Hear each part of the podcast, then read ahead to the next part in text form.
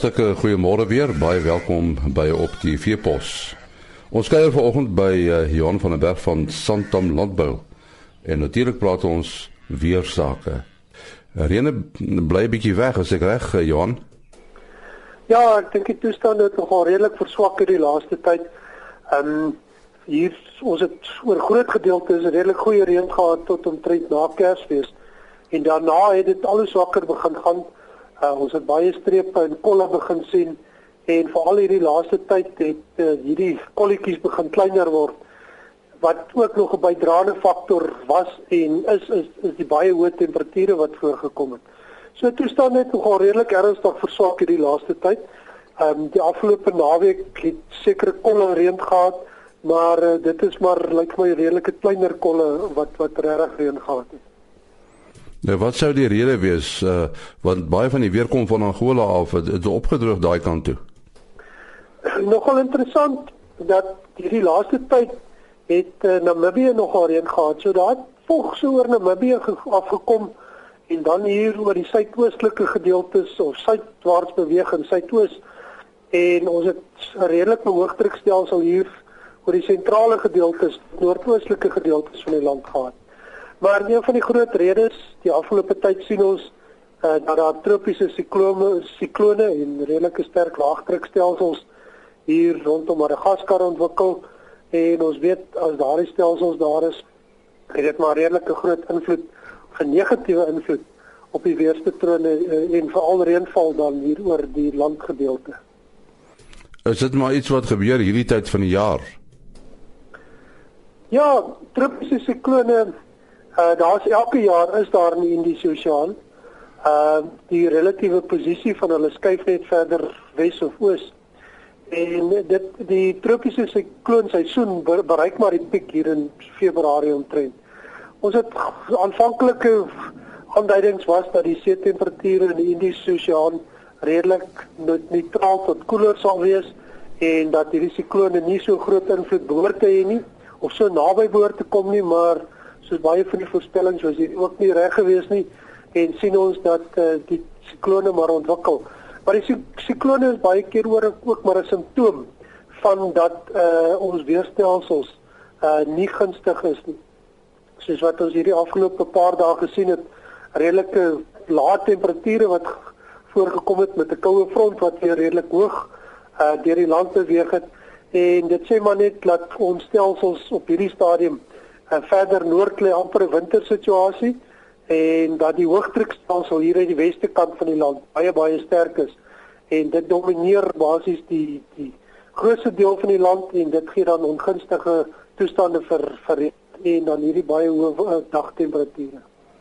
Nou die dinge wat jy praat van 'n koue front en so voort en so voort hierdie tyd van die jaar, is dit nie abnormaal nie. Dit is redelik abnormaal, maar dit is nie dit dit kan gebeur. Ehm um, dit is nie so abnormaal nie, maar dit is nie elke jaar nie. Dit is baie keer juis met die droër toestande uh wat wat dan jou koue fronte kom hoor op as gevolg van die ongunstige toestande verreend omdat ons hoëdrukstelsels of die uh Atlantiese Oseaan se hoëdruksel uh redelik domineer. So dit dit is nie so normaal nie, ag abnormaal nie. In droë jare gebeur dit. Uh en dit is dan 'n teken dat ons dat die toestande verreend minder gunstig is. En jy het gepraat van see temperature, uh, hoe lyk dit? Interessant, die El Niño of Niño gebiede uh het so vir omtrent 6 weke na 2 maande was dit so in 'n in 'n baie swak El Niño fase gewees en die laaste 2 3 4 weke uh het dit teruggekeer na neutrale toestande toe waar die see temperature in daai Niño 3.4 gebied uh onder 0.5 grade Celsius warmer as normaal was. Uh dit het weer so 'n bietjie terug beweeg, maar uh, mens kan eintlik nie die see temperature in die Stille Oseaan klassifiseer as El Niño nie. Daar was vir so 'n rukkie gewees uh dat dat El Niño of El Niño El Niño toestande geheers het, maar dit is nie dit is 'n baie swak El Niño en um hierdie jaar sal waarskynlik na die tyd geklassifiseer word as 'n neutrale jaar omdat daar nie vir 3 maande agtereen volgens El Niño toestande geheers het nie. So die see temperature in die Stille Oseaan ehm um, is nie die groot probleem nie. Uh, wat gebeur het is dat hier veral hier in die vanaf die suidelike gedeeltes van Madagaskar het die Indiese Oseaan begin warm word en dit lyk asof daai warm water bietjie noordwaarts begin beweeg het en dit is die voedingsbron dan uh vir tropiese siklone om te ontwikkel. Nou die winter is of uh, is nie naby nie, hy is nog 'n bietjie verder. Maar uh daar's nog van die somer oor, daar kan nog reën kom, nê. Nee. Kyk, die Februarie en Maart is in die sentraal tot westelike gedeeltes, veral hoe verder wes jy gaan dan selfs April, is die belangrikste of die maande met die hoogste reënval. So dis nie onmoontlik dat dit kan gebeur nie.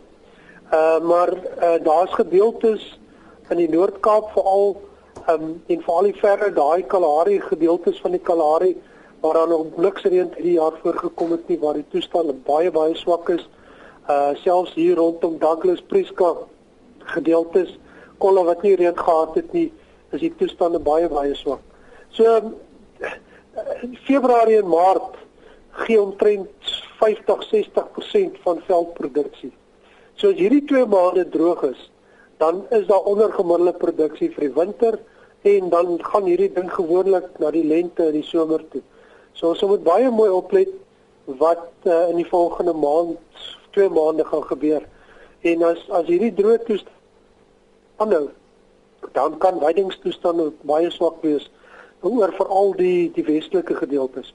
As jy mens kyk hier oor die sentrale dele van die land en veral die kom ons sê die suidoostelike gedeeltes, het was was die reën November en Desember eintlik baie goed en lyk veldtoestande baie goed. Maar as daar nie reën is nie, dan gaan die kwaliteit van die veld baie vinnig afneem. Uh verder as mense bietjie kyk, ehm uh, hoe lyk die produksietoestande van somergraangewasse want dit raak almal nie net die mielieboere of die graanboere nie, maar ook die veeboere.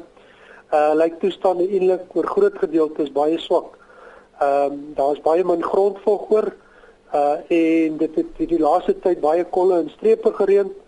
Uh die mielies en die sojabone kom nou in die reproduktiewe fases wat baie sensitief is uh vir droogte toestande en hierdie volgende 2-3 weke kan daar baie groot skade aan die oes kom as dit nie gaan reën in hierdie volgende tyd nie. Daar is al in gedeeltes uh veral Botawil, Viljoenskroon en en uh selfs Wesselsbron hierdie gedeeltes uh en dan ook Frankfurt uh, uh Standerton en ook ander kolle waar daar al permanente skade voorgekom het en waar van die van die somergraan gewasse al begin vrek. Ja, ek vra die vraag elke keer, jy weet, uh praat ons nou van 'n uh, stadige klimaatsverandering, uh amper onmerkbaar. Dit is altyd moeilik klimaatsverandering om dit regtig te kwantifiseer. Uh dit as jy mens terugkyk in die geskiedenis het hierdie goed maar gebeur. So dit is maar deel van waarskynlik droër en natter siklusse. En een van hierdie siklusse is die sogenaamde sonvlek siklus. Uh ons het gedink so 18 maande terug dat die piek bereik uh van die die aktiwiteit maar het so 'n bietjie afgeneem en ons het die laaste klompie maande is 'n tweede piek bereik en dit lyk of hy nou besig is om af te neem. En baie van ons droër periodes of droër seisoene het in hierdie afnemende periode uh van aktiwiteit uh voorgekom en ons ons begin nou basies daai periode. So uh, indien ander siklusse gaan saamspeel of nie saamspeel nie, kan dit dalk vir die volgende 4, 5 jaar vir ons aandui dat ons dalk 'n bietjie hoër frekwensie van droër toestande kan kry, maar nie noodwendig nie. Daar's ander faktore soos El Niño en La Niña en see temperature in die Indiese Oseaan wat hierdie siklusse baie deurmekaar maak. En die korrelasie uh, met met ander suidelike halfrondlande, Suid-Amerika, Australië? As ons 'n sterk korrelasie het, ons al baie keer gesê met wat in Australië gebeur en as ons gaan kyk na hulle koringoes, hy so omtrent 15% swakker as verlede jaar. Ek dink verlede jaar was hulle oes omtrent 26 miljoen ton, hierdie jaar as hy by minder as 23 miljoen ton. So daar was maar droër toestande en ek het ook inligting gekry van hulle graansorgum dat daar maar distrikte is wat onder gemiddelde reënval het. So dit lyk asof hulle ook minder reën kry. Uh wat Argentinië en Brasilië betref, dit lyk asof daar aanvanklik redelike droë toestand in Brasilië wel was, maar op hierdie stadium lyk Argentinië redelik goed. En uh, as mens na die Afrika gebiede kyk, veral hierdie ehm, Ethiopië, Uganda, daai gedeeltes uh is is daar negatiewe korrelasie met ons reënval. So as dit hier droog is, is dit daar nat en omgekeerd. Dit lyk nie asof dit so ernstig op hierdie stadium daai korrelasie daar's nie. So daar's nie al die syne van El Nino of droë toestande uh wat wat verband hou op hierdie stadium. En uh, so praat Johan van der Berg dan van Santam landbou oor uh, die weerstoestande en uh, ons hoop uh, saam met al die boere dat die reën gou-gou kom. Alles van die beste, mooi loop. Ah.